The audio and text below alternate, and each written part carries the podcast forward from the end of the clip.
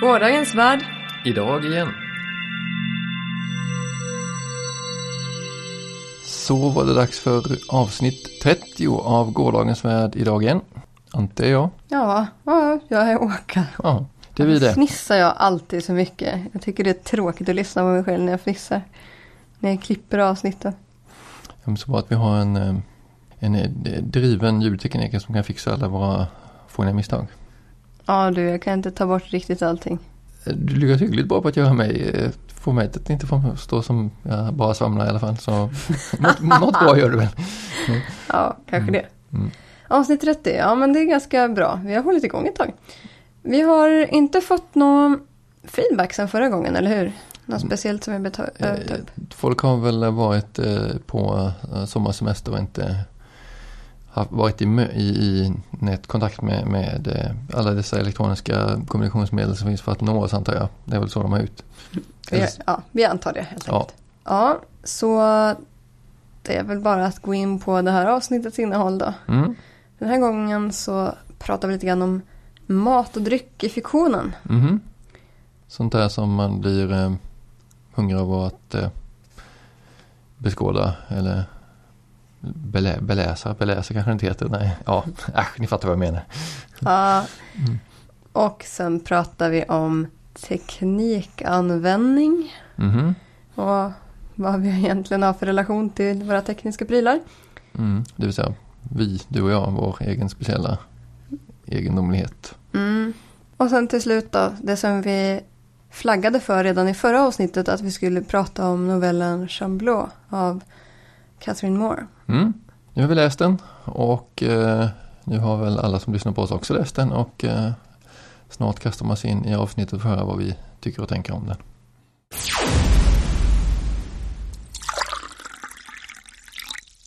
Jag eh, måste fråga dig en sak. Har du någonsin smakat Lindbloms te?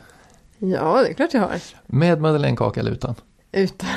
Utan, jaha. Ja, jag har smakat madeleinekakor. Mhm. Men aldrig i den här kombinationen. Ah, där, där leder du alltså före mig med eh, två steg. För jag har faktiskt inte druckit vare sig madeleinekakor.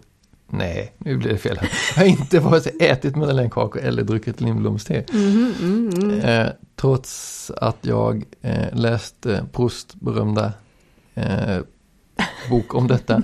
Och naturligtvis som så många andra blivit sugen på, på att, att prova. För man undrar liksom, men hur smakar det här egentligen? Fast alltså jag har läst att, um, jag läste ganska nyligen faktiskt, att Proust experimenterade med massor av andra sådana där uh, smakupplevelser som utlösande faktor för en massa minnen Mhm. innan han landade just madeleinekakorna. Mm, och han skulle tvunget välja någon kombination av, av mat och dryck som jag inte har provat. Ja, i alla fall någonting som du verkligen inte har några minnen till så att det inte motsvarar någonting Mhm. i ditt huvud. Mm. Nej, just det. Ja, ehm, däremot så ehm, finns det andra litterära eh, mat och drycker som jag faktiskt har eh, någon form av, av relation till. Mm. Ehm, du berättade för mig att i eh, Narnia-böckerna Ja, just det. där förekommer det ju någon form av, av snask. Ja, i, i Häxan och lejonet är det som det eh, häxan presenterar frestelsen för Edmund Mm, i form av en eh, ask med eh, Turkish Delight. mm. Alltså såna här, eh, vad heter det på svenska? Ja, jag vet inte. Såna här sega eh, Geléiga saker som, som smakar rosevatten. Ja, Ja. just det. Så, Eh. Sådana grejer som jag vet att vi någon gång köpte en ja, just det, vi Ja. köpte det i, i, i Sandviken. I på någon liten butik där och det mest fantastiska av allt var att det stod på omslaget på det här lilla godispaketet att det var 95% fat free. mm, mm, det, Vilket ju fick inte med gå stora undra. bok, det var huvud, Det huvudpoängen var med huvudnyheten, ja Ja, precis. det, det viktigaste med den var att den in, vad den inte innehöll. Vil- Ja, och det var vilket 95 känns- procent, vilket ju är, ja, Vilket känns som att vad är det ni säljer? Att den har luft liksom, varför ska man betala för det? ja, Ja, fast den smakade rosenvatten, som Mm. den skulle. Som det skulle. Och sånt förekommer ju i i eh, Narnia då. Jag undrar hur många människor som har läst det där som har blivit sugna på att smaka. För att testa? Mm. Ja, jag vet åtminstone en som faktiskt har köpt Turkish Delight bara för att det stod i den där om det. Jag, jag, jag, det var jättenyligen också, jag får försöka länka till det om jag kommer ihåg det. Som jag läste en artikel om varför det är just Turkish Delight. För så fantastiskt godis är ju inte det här. Varför är det just det som Nej. får representera det, det här som man liksom suktar efter att bli beroende av. Mm, ja, ärligt talat, rosenvatten är nog bland det sista jag suktar efter nästan jämt faktiskt. Fast det är ganska trevligt. Det läste jag Ja. också om nyligen, eh, nämligen att eh, innan, innan vanilj blev stort i Europa så Mhm. var rosenvatten det som man normalt sett smaksatte efterrätter och så här med. Jaha, Så rosenvatten var vanilj före vaniljen. jaha. Mm. Jag lät något nytt. Men i alla fall, Mm. Turkish Delight det var tydligen någon sån här grej som var exotiskt och, och kom långt bort ifrån det. Var lite svårt att få tag på. Och sen var det ju världskrig och ransonering. Och då blev det ännu svårare och jättedyrt och, och sådär. Och därför är det liksom någon, någon läckerhet som man inte kan få normalt sett. Och då kan det liksom bli en sån där grej att man tänker att det kan representera det någonting fantastiskt som man kan gå och sukta efter men inte normalt kan komma åt. Trots att rosenvatten inte är intressantare än så. Mm. Det är väl en smaksak. Det, det, finns, det finns en dryck som jag gått och suktat efter efter att ha läst om den. Mhm. Eh, och det är ju så, jag eh, gillar ju eh, starkt Stephen Brusts fantasyromaner om eh, lönnmördaren Vlad Taltos. Vlad och många eh, med honom i den här världen dricker ju någonting som kallas för klava. Som jag tror är inspirerat av någon, någon riktig eh, eh, något riktigt re, rejält hopkok. Det, detta är ju alltså en form av kaffe man brygger eh, genom att eh, sila kaffet, eller man ska kalla det sila, men genom eh, krossat äggskal Mhm. för att det ska bli mindre bittert och sen så dricker man det med vanilj, honung och grädde. Vilket Mm. blir, blir väldigt, eh, det är lite, lite sliskigt men, men eh, ja.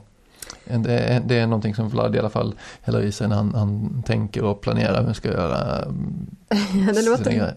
stötar eller in- konspirationsintrigsmanövrar han håller på med. Och det blev jag naturligtvis väldigt sugen på att faktiskt försöka koka ihop någonting som liknar den här klavan. Mm. Jag har till och med en liten burk med krossad, eh, krossade äggskal i skafferiet just för detta ändamål. Ah, du har inte provat den? Jo, jag har gjort det. Jag har gjort det tidigare. Jag var inte riktigt säker på att det blev precis som det skulle så därför har jag mer äggskal för, för fortsatta försök. Hmm.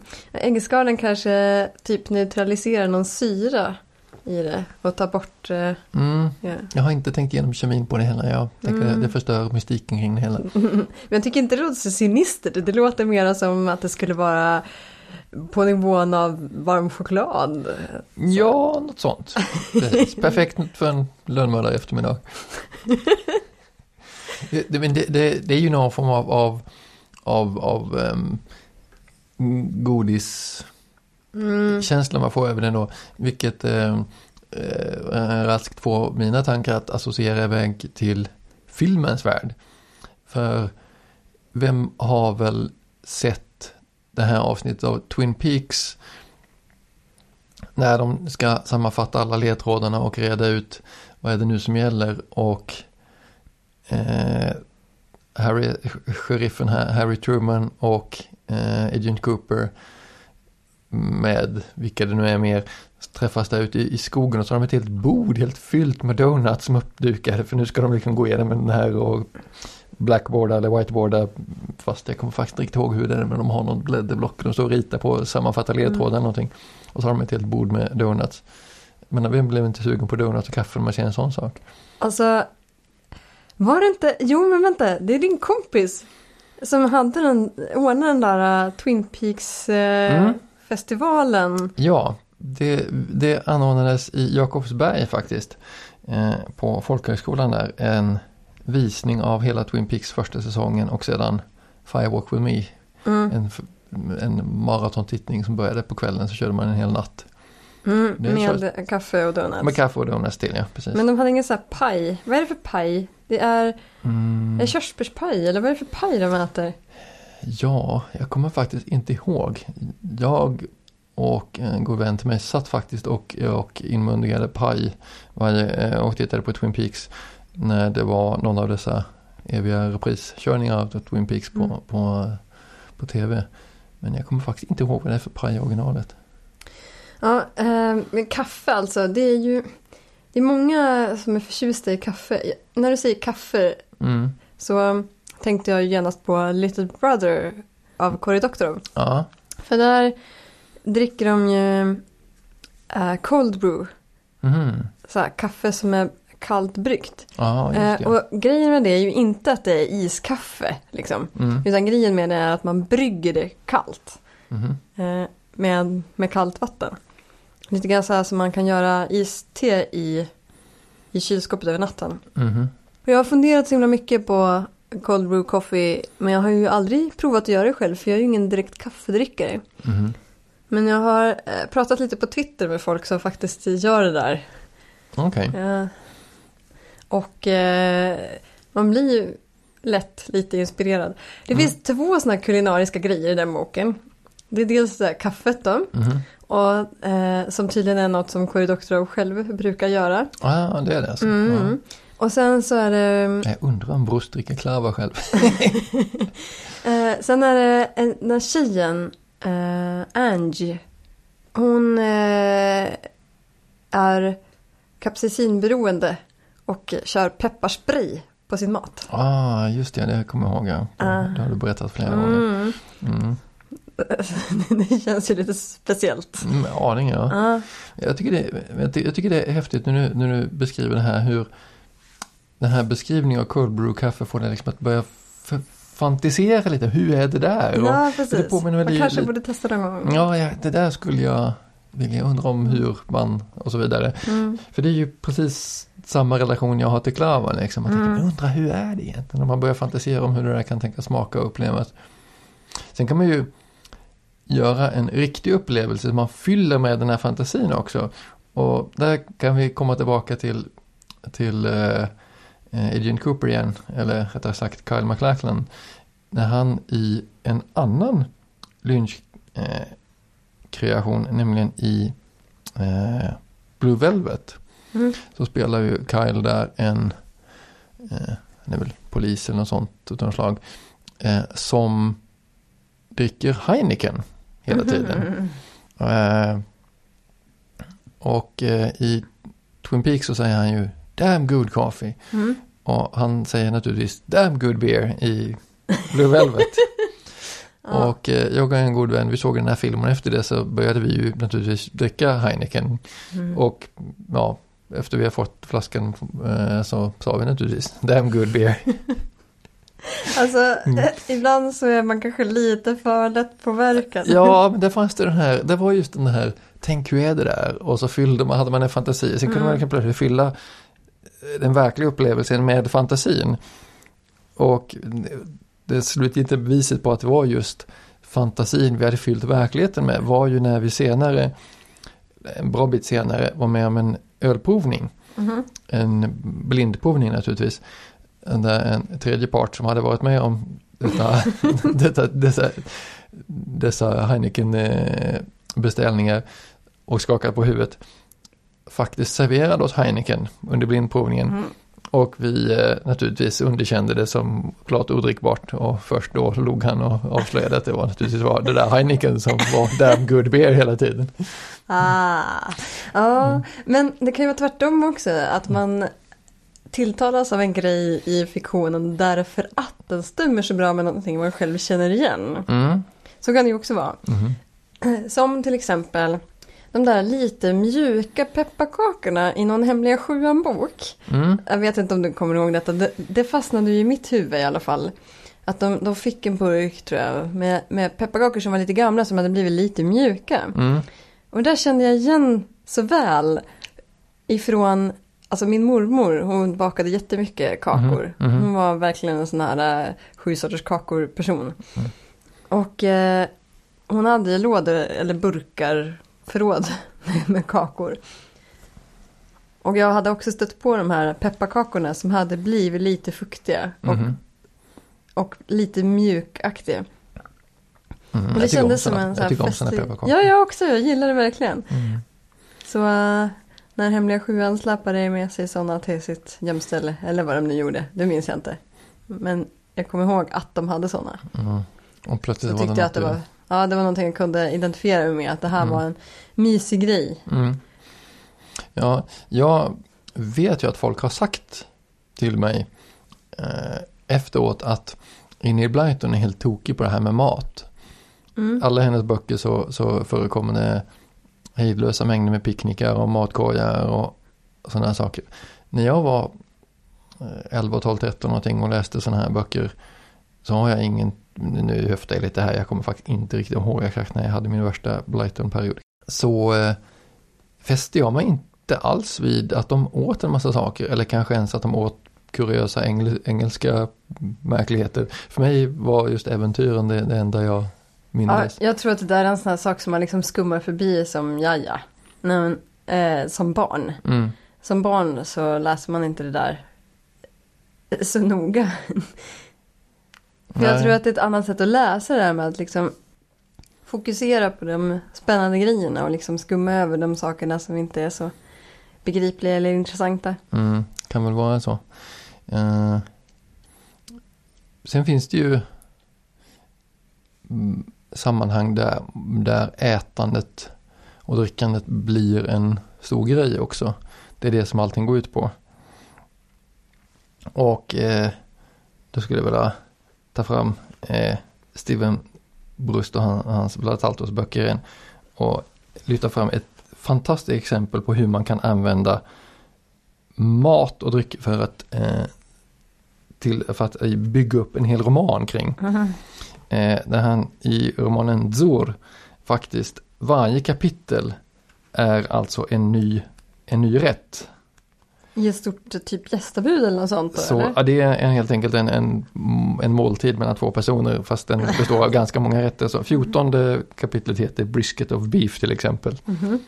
Eh, och andra kapitlet heter eh, Garlic Bread.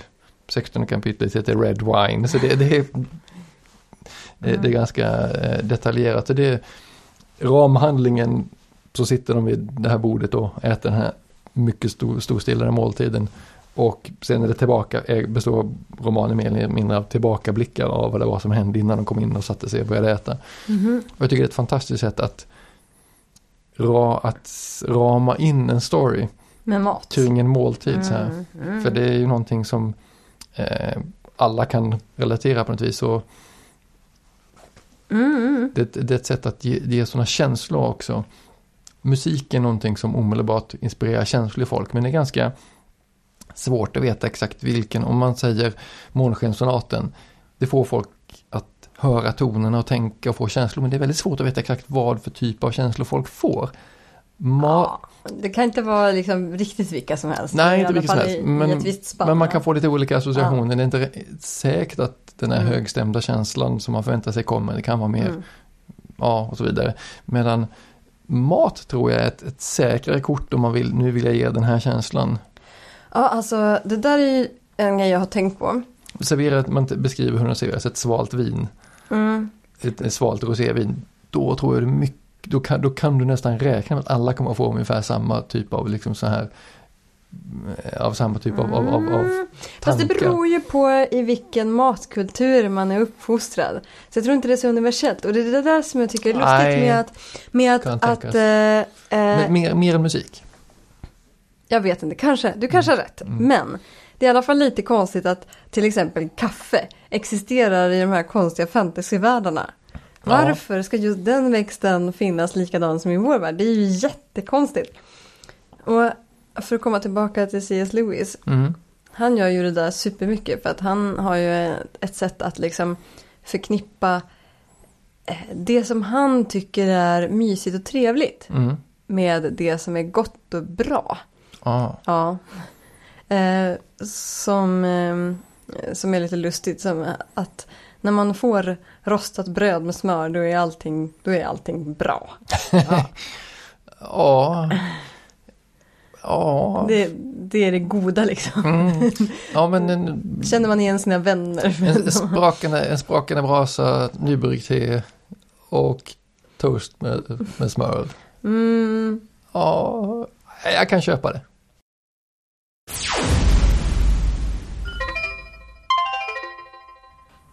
Jo, när vi var och hälsade på några av dina kompisar nyligen. Då så sa deras barn att du hade så konstig telefon. De tyckte den var jättekonstig. Mhm. Så varför har du en sån konstig telefon egentligen? Ja, man vill väl vara udda och rolig på något vis. ja, våra barn har faktiskt sagt att de tycker att det är en jättebra telefon för den har både touchskärm och ett riktigt tangentbord med alla knappar på sig precis som en riktig dator. Mm. Och det är ju därför jag har den för jag eh, tycker att det är förfärligt med, med touchskärmar. Är lite, eh, ska man säga, inte riktigt i synk med, med eh, det moderna sättet att använda telefoner. Det är ju faktiskt min, min första egna smartphone dessutom så jag ligger ju långt efter alla andra här i vardagen kan Ja, man men säga. det är ju ett val. Det är ju ett aktivt val du har gjort, eller hur? Ja, ja, oh ja, precis. Det är ju, eh, jag, jag fick, fick en jättegammal tjock telefon med, här, med ett riktigt eh, tangentbord med liksom riktigt krötet tangentbord och plötsligt så började jag smsa för jag tyckte äntligen kunna skriva fullständiga meningar och sådär. Eh, och, så jag blev ju totalsåld på det där. Eh, men jag gör ju sådana där val ibland, att vara lite motvalls, inte riktigt som, som alla andra använder maskiner. Och du gör ju också det. Ja, jag tänkte just det. Det gör ju jag verkligen. Vi eh, är båda lite så här på kant med, med eh, hur man gör saker i världen känns det som. Ja, men alltså ibland känns det som att jag verkligen vill försöka använda saker på ett annat sätt därför att jag tycker inte om när någon annan talar om för mig hur jag ska leva och göra saker. Mm. Och även om det inte går att vara helt frikopplad, man vill ju vara med också, eller hur? Jag vill ju inte isolera mig. Så gillar jag att eh, jag gillar att försöka göra saker på mitt eget sätt. Alltså det här är ju verkligen inte någonting som bara begränsar sig till teknik. Mm. Eh, det, det är samma personlighetsdrag som fick mig att eh, eh, mixtra med mitt schema i gymnasiet. Mhm. Så att jag eh, hade obligatoriska ämnen som extra tillval. Bara för att det gick att göra så. Mm. Bara för att det var bakvänt. Mhm. Ja. Mm. Jo, eh, vi kanske är lite bakvända helt enkelt. Jag tycker att det är lite löjligt ibland när eh, människor som skriver och pratar om teknik bara förutsätter att alla alltid vill ha det allra senaste. Mm. Och alla vill eh, skaffa prylar hela tiden. Till exempel byta telefon hela tiden och så vidare. Eh, det finns någon slags modell av att det är någon slags idealisk, jag vet inte om det är någon slags Stockholms hipstertyp eller vad det är. Mm. Stockholms technörd eller Ja, något sånt. jo. Som är liksom idealtyper för att så här ska man göra. Mm. Jo, jag, jag får väldigt mycket intrycket av att det, det är de där mediepersonligheterna. Eh, de där som, som, som, eh, eh, som, som syns och märks i, i media. Eh, Stockholms hipster-typen. Och eh, där känner jag ju mig inte riktigt att jag passar in. Eh, Nej men man vill kanske inte passa in. Grejen Nej, är i nej. alla fall att människor använder saker och ting på väldigt olika sätt. Och har väldigt olika sätt, anledningar att vilja ha prylar och sådär. mm. Och jag till exempel, jag tycker det är viktigt att slippa byta apparater ofta. Därför att eh, dels men dels finns det ett bekvämlighetsperspektiv på det. Att så fort när jag har lärt mig att använda någonting, när jag har vant mig vid en maskin så vill jag kunna ha den. Mm. Det är ju den inbyggda trögheten i människan. Men sen är det också det att det är ju varken ekonomiskt rimligt eller eh, miljövänligt att bryta, byta ut sina verktyg hela, hela tiden. Mhm. Nej, dessutom så eh, som när det gäller datorer. Jag har ju inte någon Macbook Air eller någon annan sån här senaste, lättaste, snabbaste, elegantaste. Mm. Alla mina datorer är ThinkPads. Mm. För att de är byggda som stridsvagnar. De är ganska osexiga men de köps ofta in av, av, av statliga myndigheter och liknande för att de har, de har rykte om sig att vara robusta, rejäla, lätta att serva och inte sexiga balla massa rörliga delar som bara går sönder. Alltså jag ville ju ha en ThinkPad därför att Cory Doctorow någon gång hade sagt att uh, ThinkPad är jättebra för de går att laga och det går att köra Linux och vad det nu var. Jag kommer Ja. inte ens ihåg argumenten. Mhm. Men, men, men det är i alla fall det som är mina argument just nu. Att det Mm. funkar jättebra att eh, köra eh, Linux på och eh, det går att byta ut delar. Det är de sakerna som Ja. jag i princip har märkt Jo. att det funkar bra och Mm. därför så Ja, Jo, för det, var, det, blev, det blev ett praktiskt val eh, för mig. ja. Det, det visar sig att det är jättelätt att, att öppna en ThinkPad. Det finns ju noggranna handböcker eh, som är producerade av, av Mm. mm. tillverkaren. Det finns ladda ner online. Det står precis vad det är för nummer på saker, vilka skruvar man ska öppna, vilken ordning och sådana saker. Mm. Det, det, det är teknik som är till för att inte bara vara en, en hoplimmad låda som du köper, använder och sen slänger bort. Utan det känns som att det är ett riktigt föremål, ett riktigt verktyg. Ja, som kan bli ens eget också. Mm, och För det, jag är ju mycket för, mm, alltså det här är min grundfilosofi i ganska mycket som jag gör vad gäller mina dagliga verktyg. Jag vill ha illusionen av kontroll. En känsla av, som jag vet är ganska fiktiv, men Mm. jag vill ändå odla den känslan av att jag själv bestämmer över den här, det är mitt verktyg. mm, Det är inte någonting som jag har till låns eller som jag använder på nåder. Utan att det är min grej som jag bestämmer över och gör och den gör som jag vill. mm. Och jag skulle vilja påstå att det inte bara är en illusion av kontroll. Man, man, I mångt och mycket så, så är man ju nästan, skulle jag vilja påstå, skyldig som konsument att ta lite kontroll över, över eh, hur vi, vi interagerar med, med eh, människor omkring oss, vårt samhälle och med tekniken och de saker vi använder till vardags. För det är liksom så du påverkar världen också. Och att välja verktyg som du kan använda själv på de sätt du vill. Det är att skapa lite kontroll. Det Ja men jag alltså världen går ju verkligen bort ifrån det mer och mer. Och jag Mm. vill sätta klackarna i backen och inte spela med. Ja, detsamma. Ja. För Ja. jag, jag har till exempel Jag, har- finns, jag finns inte på Facebook. Nej, jag gör det därför att det är socialt nödvändigt om man ska kunna arrangera saker tillsammans med andra. Mm. Eh, därför att så många går inte att få tag på på något annat sätt. Men, men alltså, jag skulle aldrig installera Facebook-app på min telefon till exempel. Mm. Eh, och jag har ju gått ett steg längre faktiskt. Jag, har mitt, jag kan berätta om mitt telefonexperiment. Mm. Nu kommer telefoner igen. Ja, Mm. eh, jag köpte en Fairphone därför Mm. jag tyckte att ja, men det här är vettigt. Jag gillar filosofin att man ska försöka tillverka en telefon och använda så lite som möjligt av så mineraler som kommer från konfliktområden och eh, det ska vara schysst tillverkat i viss mån i alla fall. Ja. Mm. Och det, det var ju en annan sak än, än, än min Blackberry som har knappar för att den ska ha knappar. Det, det, där fanns inte den dimensionen. Nej, det, det, det är ett annat sätt att tänka. Men, men det, det var så jag tänkte, det här är schysst. Jag gillar filosofin, jag gillar idén. Och tittar man lite närmare, ja men okej, de har också idén om att eh, mjukvaran ska vara schysst, öppen och så vidare. Mm. Mm, bra, jag köper en sån. Eh, när jag köpte den så bestämde jag mig för att jag ska ha den så länge som det går. Mm. Eh, och eh, använda den så länge som möjligt för att helt enkelt in, inte byta telefon varje år. Mm. Och jag te- tänkte testa att inte installera Googles vad nu heter Play Store Ja, på den. Därför att eh, den kommer inte förinstallerad. Mm. Ja, just det. Och- det är en Android-system men det är inte Google. Nej, alltså det är jättemånga människor som tror att Android är Googles operativsystem, men det är det ju inte. Det är bara det att Google brukar vara de som förser Android-telefoner med appar. Mm. Men man måste inte. Och om Googles Store inte kommer förinstallerad, då kan man bara skippa den Mm. och hålla sig utanför Googles ekosystem. Hur kommer det att funka? Mm. För att eh, det är alltså mitt experiment. Mm. Funkar det att leva utan Google? Ja. Eh, ka- kan jag klara mig ändå? Mm. Och alltså jättelänge klarade jag mig bara med de inbyggda, alltså de förinstallerade apparna. Som inte är speciellt många. Mhm. Det är jättebra för den eh, tar inte slut på batteri så fort och den håller inte på att prata med internet en massa utan att jag vet vad den gör och så vidare. Mm. Det är sympatiskt. Mm. Men, Och praktiskt återigen. och praktiskt. Mhm. Men sen började jag testa hur, hur det funkar att installera appar då utan att använda eh, Google och jag behöver inte dra hur man gör det för det Mm. kan folk ta reda på själva. Men eh, ja, det finns ju en del problem med detta för det finns ju många eh, som, som tillverkar viktiga tjänster och appar som vill ha koll på vad man gör. Och eh, till exempel ja, vill att man ska göra den officiella vägen. Mm. Men, eh, men jag har i alla fall hittat verktyg som gör det jag vill hittills.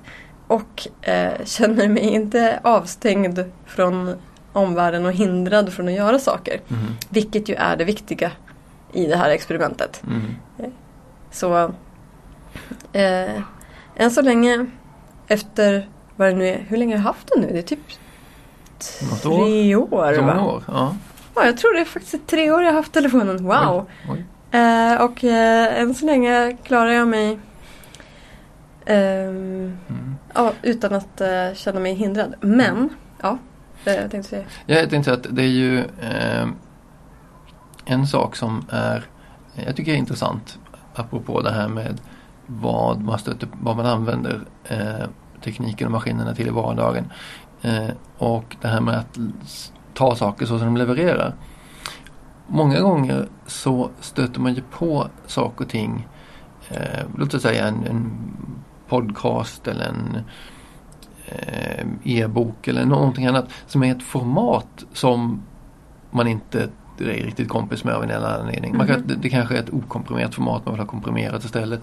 Eh, det, det kanske är eh, behängt med sån här eh, DRM eller något annat. Som, Ja. och, och plötsligt vill man transformera om det. Mm.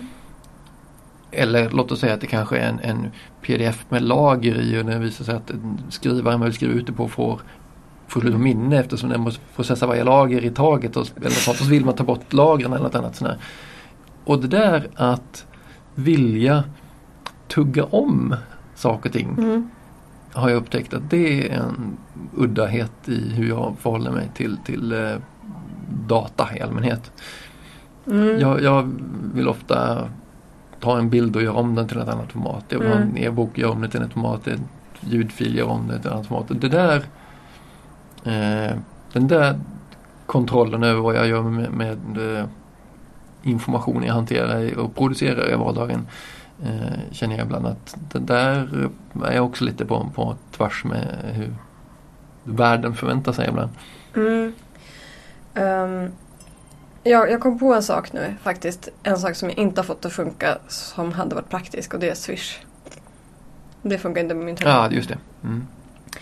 Men eh, i alla fall just det där med ljudfiler och sånt när du pratar om det nu.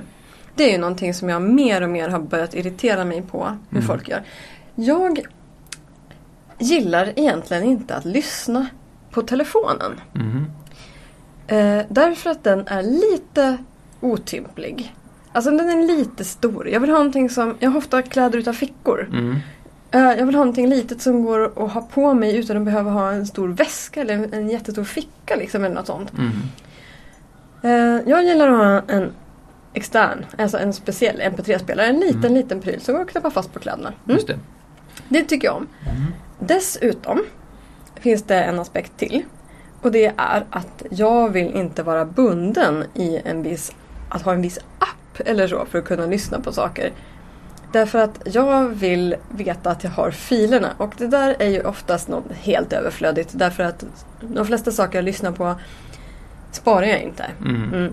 Men om det är något jag vill spara så vill jag ju handskas med filerna själv och veta vad de är och kunna liksom skyffla dem. Just det. Och här har vi det här. eh, Plus att jag vill lyssna offline och inte strömmande för min mp3-spelare är såklart inte knuten till internet. Nej, just det. Utan jag vill ha filer, ljudfiler. Mhm. Och så många, så många poddar nu som är bundna i en app och jag är skitsvårt att hitta filerna. Mm. Ofta så kan jag leta upp eh, RSS-flödet. Mm. Alltså det nakna RSS-flödet. Mm. Och plocka ut ljudfilerna själv.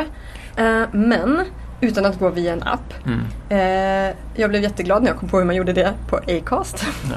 Men till exempel folk som lägger ut saker via Soundcloud och inte låter den ladda ner saker. Okej, jag bara bojkottar. Mm. Jag skiter i att lyssna på det. Därför att ska jag göra det så ska jag antingen göra det via telefonen eller via datorn. Eh, någon, någon, gång. Och jag känner mig mycket mer bunden då. Mm. Så jag skiter i det. Mhm. Jag, eh, får jag inte en ljudfil då ska det vara något alldeles extra speciellt för att Mm. jag ska faktiskt lyssna på det. Ja, jag kanske är konstig, jag kanske är... Eh, ja, men låt mig vara konstig. Jag vill Mm. vara konstig på det viset. Eh, Eh, så att... ehm, eh, så är det. mm. Men... Ja, det, det, det är ju faktiskt en sak som jag tycker är det, det, För mig blir det ju lite av en Det blir lite som en, en teknisk utmaning och lite en, en eh, grej. Om någon gömmer någon form av data som är liksom, jag måste inte betala för den. Det är okej att, att lyssna på eller titta på den här grejen helt gratis. Men du måste gå via vår lilla app eller du måste logga in här eller registrera dig gratis eller någon sån här gång. Mm. För mig blir det ju väldigt lätt en teknisk utmaning. Hur kan jag ta mig runt det här? Mm. Hur kan jag gräva fram det här ändå? Inte så att jag kanske så starkt känner att jag måste ha tag på den här grejen. Utan det blir så här att, aha, men du vill inte jag ska göra det här. Om jag kan lista ut hur man gör det ändå. Alltså, jag skulle nog säga att det är ganska sällan som jag är intresserad av det. Förutom just när det gäller ljud, alltså poddar. Mm. Ehm, men eh, det finns ju poänger med att ha eh, inloggningar och speciella grejer som man kan få genom att betala och sådär. Därför att ibland så vill folk få betalt för det de gör Mm. det kan jag faktiskt respektera. Ja, jo jag har inget emot att betala för grejer. Det har Mm. jag inte. Jag betalar för eh, saker som folk ibland tar gratis. Men det är det när folk gör knäppa tekniska lösningar som, som låser in en. Mm. Alltså hela det där med att bli inlåst i någons liksom eh, kontrollsystem. Mhm. Jag, jag försöker undvika det när jag kan. Alltså, sen är jag ju ganska godifierad precis som alla andra. Ja, det är ju svårt att vara. Det svårt att inte vara. Ja. Ja, ja. Man Ja. kanske borde använda papper och penna och träffa folk öga mot öga och bara undvika. Men vilket nytt spännande koncept. kan man slå på på någon gång.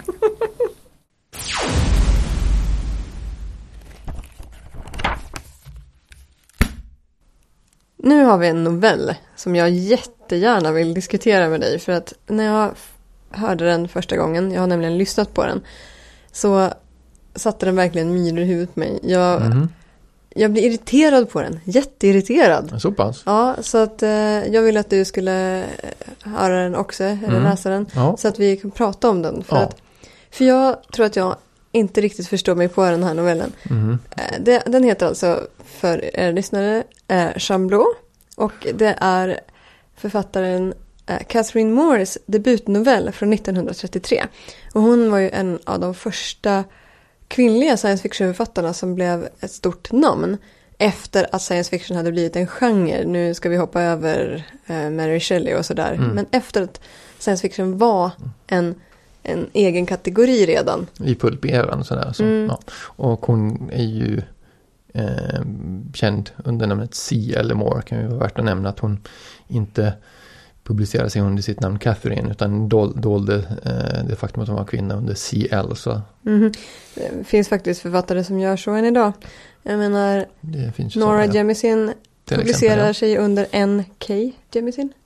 Men i alla fall, ja. Mm. hon är känd, hon gifte sig så småningom med Henry Kuttner som också var en författare och de skrev massa saker ihop. Men det är en annan historia. Mm. Nu handlar det här om hennes debutnovell som tydligen fick ett ganska ordentligt genomslag och gjorde intryck på folk och blev Mm. populär.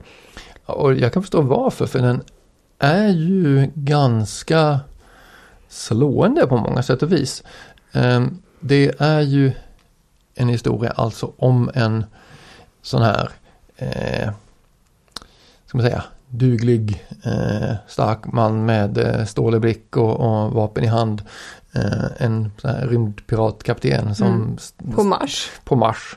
Eh, och det pratas om, om eh, djungelvarelser och det pratas om kanaler och grejer. Så man känner igen det från den här pulperan. Mhm. När, när det var, när det fortfarande fanns dju- djungler och träsk på, Mar- på Venus och, Ja, och, han, och en uråldrig civilisation på Mars. Man känner, man känner lite eko från Barzoom och, och de andra så här eh, Burroughs, eh, eh, Burroughs eh, berättelserna. Och det, det gav mig en positivt grundintryck. Jag, jag tyckte det kändes, oh det var den här charmiga tiden då man, jag, det fick liksom den, den känslan rätt fort.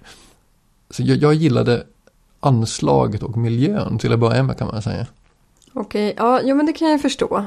Och i den mån jag själv har läst sån där riktigt tidig SF så jag, menar, jag, jag känner också igen att det här faller in i eh, den kategorin. Man känner igen saker från eh, Flash Gordon typ. Mm. Ja, och detta är ju någonting som är väldigt beroende på ens personliga historia och lite det här som man pratar om det här med rosa färgade glasögon och sådär, liksom nostalgi mm. gör någonting bättre än det egentligen är. Så nu är det kanske lite kuriöst att jag har fått någon sorts positiv nostalgisk eh, skimmer från någonting som skrevs långt innan jag ens föddes, men ändå. Så, ja. Mm. Mm. ja jag, jag vet inte, jag har inte en så stark relation till den typen av riktigt gammal SF30 och 40-tal. Mm. Väldigt, väldigt svag relation till det. Mm. Men, men jag kan ändå liksom fatta var den här passar in. Ja. Men nu ska vi se, det här är ju en sorts skräckhistoria mm. i så här, I planetmiljö. Ja, och eh, ja, för att gå direkt till kärnan i det hela mm. så tycker jag att det känns väldigt konstigt att en kvinna har skrivit den här berättelsen. Mm. Därför precis. att det sägs redan i början, eh, berättartekniskt är det ganska roligt det här med att eh, man får reda på redan från början vad det kommer att handla om. Det kommer att handla om Medusa-myten mm. som har funnits i, i mänskligheten sen en tidigare tid när men, en tidigare version av den mänskliga civilisationen också var ute i rymden. Mm. Det... Jo, och där har vi det här redan anslaget från början. Och där blev jag lite lurad faktiskt. För då börjar med det här anslaget, ja, forna civilisationer långt innan den som nu fanns reste sig och sådär. Och, så, och sen nämns det här med Venus och de gamla civilisationerna på Mars. Och då sögs jag automatiskt in i den där. Och mm. missade fullständigt att det fanns en, en sån här förhandsvisning av allting höll på att barka hän till. Jag såg det på något vis som, som stämningsanslag som var i samma ton som det här med Mars och Venus och djungler. Och men, det, det, men det är ju som du säger, det, det, det, det, säger ju precis vad det, vad det kommer att hända och vad det, handlar Det är en sorts förklaring i mm. början, mm. så här, det här kommer att handla om Medusa-myten. Precis. Vad den eh, har för grund, vad den har sin grund i. Precis, eh. och sen eh, bara för att snabbt skissa upp vad allting går ut på. Den här eh, rymdkaptenen skyddar en kvinna som blir jagad av en mobb. En kvinnovarelse. En kvinnovarelse. Ta, eh, hon får följa hem till honom för han blir inte klok på var hon kommer ifrån och hon vill inte gå hem till sig för hon verkar inte ha något hem. Hon sen, kan inte prata hans språk riktigt så hon kan inte förklara det. Nej, och han stann, hon stannar hos honom eh, något dygn och sen så kommer hans kompanjon till planeten några dagar senare och eh, undrar varför han inte syns till. Och, och varför han inte har gjort det han skulle göra. Ja, precis. Och kommer till eh, det här bo, eh, bostället, vad heter det? Lägenhet heter det kanske på svenska. Bostad, Hans bostad så kan man säga. Och eh, där finns något monster och han lyckas eh, slita personen därifrån och, och ja, ja, ungefär vad som händer liksom. Ja, och monstret är ju hon den här kvinnovarelsen då. Ja. Eh, som har någon sorts slingrande hår. Och det är inte som Medusa-historien som vi har hört då, att man bara behöver titta på den för att bli förstenad eller så. Mm. Så är det inte. Utan det är en annan sorts Medusa. Hon liksom slingrar in honom i sina eh, ormhårtestar. Mm. Ja, jag tycker det var en jättehäftig varelse. För hon har med sin blick någon form av hypnotisk, mm. eh, hypnotisk eh, förmåga och sen har hon den här konstiga symbiosvarelsen eller vad det nu är för någonting. Om det är en del av henne som gör att hennes hår är någon sån här ormar som ja. och hon verkar dra näring från från hon är en sorts sån här psykisk vampyr, liksom ja. dra, dra energi från folk som hon liksom hypnotiserar. Och det, det är en rätt häftig varelse som så här fantasivarelsebygge. Ja, alltså, fast kom igen nu. Alltså, mm. Nu låter det här väldigt städat och civiliserat jämfört med vad det faktiskt är. För att, alltså, för mm. att gå till... ja, jag tänkte komma till det. Sen, sen, det, finns ju, det finns ju fler dimensioner. Mm. Det, fin mm. det, det, finns, det finns en undertext som inte ens är undertext. Mm. Så, som är väldigt, väldigt, väldigt explicit. Som, som är liksom det som är också mitt problem med det här. För att så som jag läser den här novellen. Nu ska vi se ifall, ifall du överhuvudtaget tycker att eh, eh, att jag har något eh, här. Mm. Men alltså jag tycker att det här är ren, en ren sexualskräcksberättelse. Och där, där kvinnan är monstret. Mm. Ja, Ja, Jag, jag, jag, jag förstår vad du far efter. Jag har inte riktigt med att det, att det är ren sexualskräck. Jag skulle nog säga att det, det mer, mer handlar det om att det är eh, misogyni än, än, än, Ja. än, än, än, eh, än, än, än bara, ska säga, sexualskräck. För det är uppenbart att det, att det finns en sexuell ton i det hela. Och jag tänkte på det, och eh, jag tänkte på det att det fanns, hur den här formulerat om den var skriven idag. För jag tänkte på uttryckssättet och, och språket. Det fanns ju något tillfälle någon som blodet rusade till hans huvud. ja. Och jag tänkte att det där hade varit, blodet hade rusat någon annanstans när jag var skriven på 2000-talet. Och, och, så det var ju väldigt sexualiserat i språket. Extremt. Jag menar, Väldigt. Alltså Mm. hon, hon, hon beskrivs på ett ställe, han tittar på henne och hon är sweet, submissive and demure.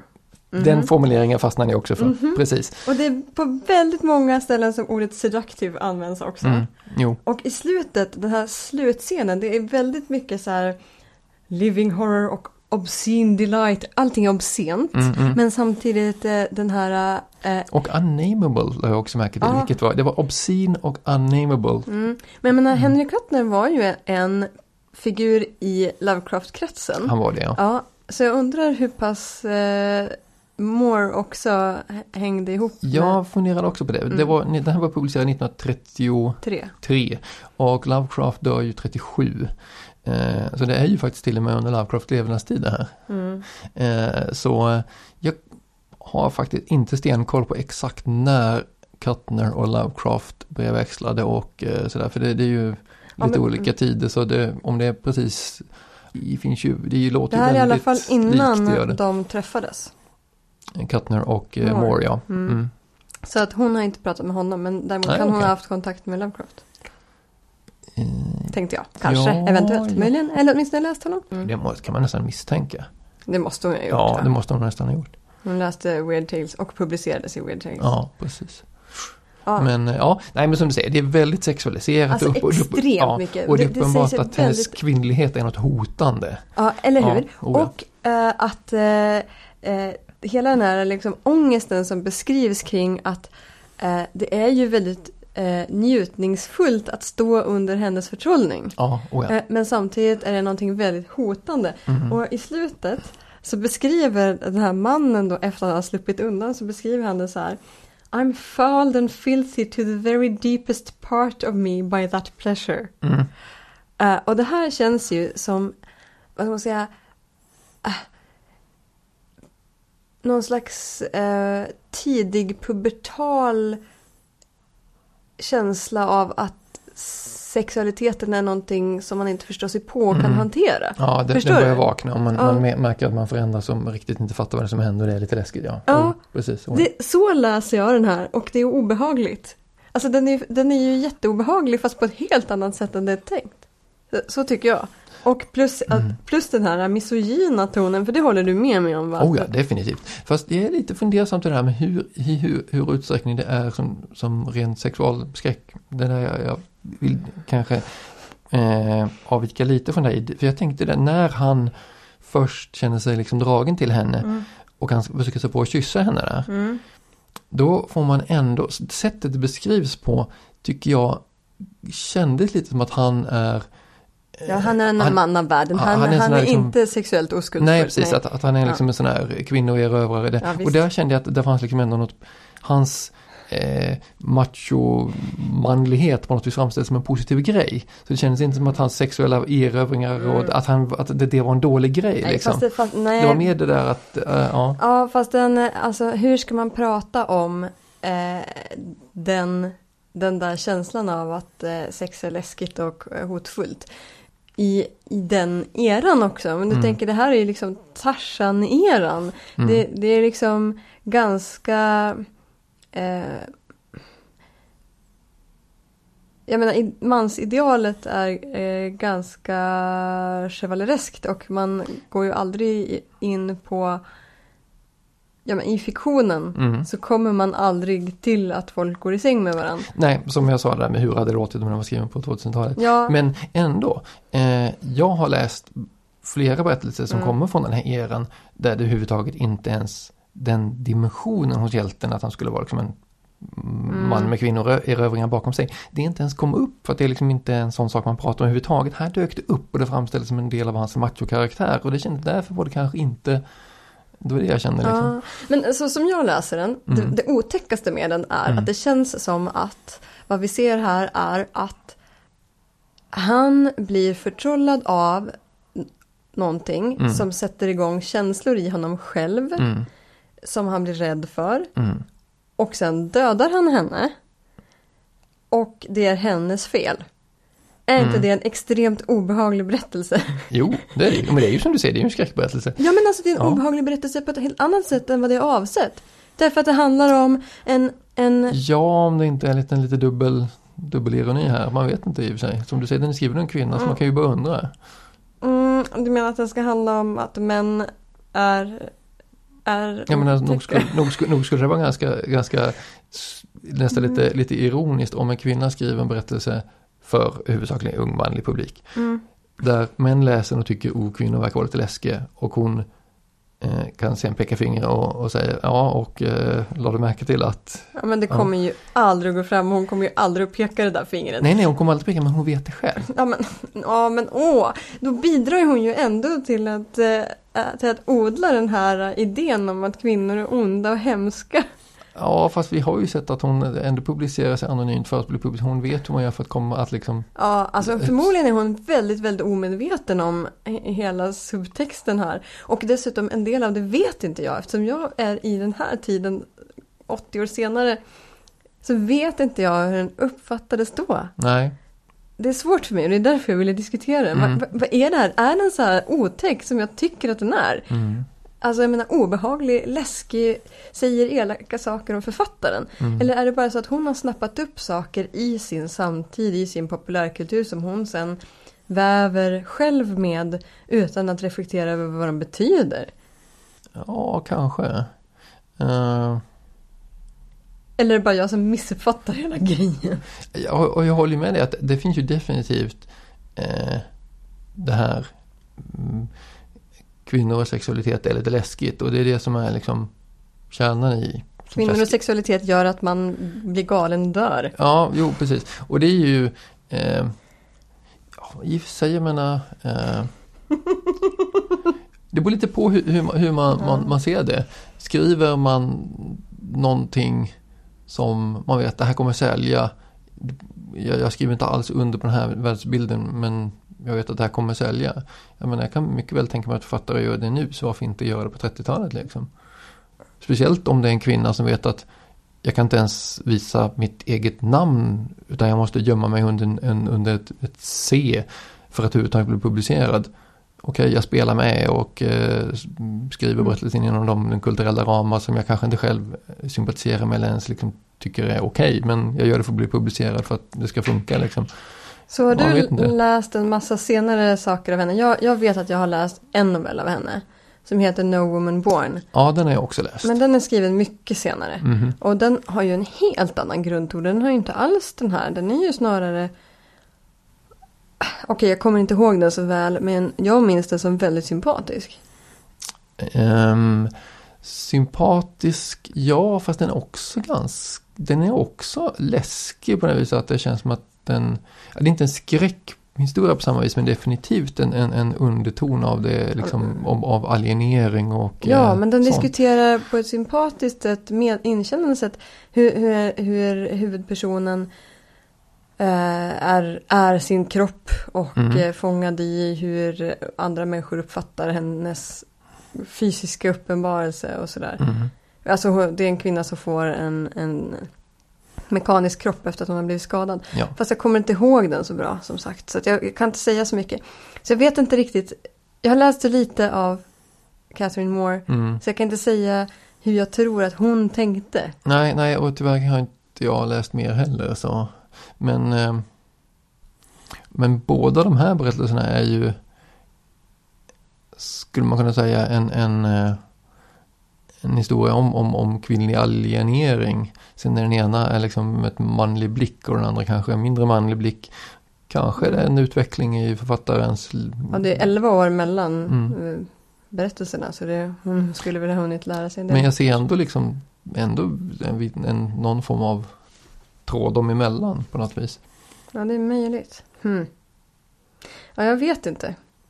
Nej, Men jag skulle säga att jag tycker ändå den var rätt så den var ju inte pjåkigt skriven liksom. Även om det kanske fanns liksom osympatiska undertoner eller övertoner eller mellantoner. eh, så hon lyckades ju rätt bra ändå med det här att eh, eh, framställa det främmande Mm. på ett liksom både lockande och aning motbjudande sätt. Så att hon, hon det var inte bara det här, detta är läskigt för jag säger att det är läskigt, utan hon... Nej, nej, nej, det är sant. För hon lyckas faktiskt fr- framkalla en känsla. Mhm. Ja, visst, så det, det är ju bra gjort. Även om jag tycker att det var lite mycket omtuggande ibland av ord. Alltså hon använde samma ord gång på gång på Ja, gång. Visserligen på ett, kan, kanske för suggestiva effekten. Men... Jag tänkte det också, att den, den var lite sådär, mm, det känns som att det var väldigt, det har hon inte sagt det ett par gånger, men jag tänkte också det att kanske är det faktiskt det som gör att den funkar. Att den Sen var så, hon ju bara 22 år gammal när hon skrev den. Ja, jo. Men vi, visst, den var ju, eh, det fanns ju många saker som dök upp i huvudet på mig när jag läste den som kände så att hmm, det här är ju lite sådär. Men det är kanske är därför den faktiskt funkar fortfarande. Då hade den, när den publicerades hade den effekten att, att eh, som du beskrev tidigare, att det här är lite läskigt. Nu känns den fortfarande som lite läskigt, kanske grund, på grund av att man ser värderingar som man tycker är lite, lite, eh, lite suspekta eller väldigt suspekta. Och det framkallar i sin, i, sin tur en, en skräckupplevelse igen och så funkar den fortfarande fast på en, av en helt annan anledning. Mhm. Vilket ju är nästan lite roligt. Ja, jag gillar ju inte skräck. Men det, det, fick, fick, det fick en effekt på mig. Mhm.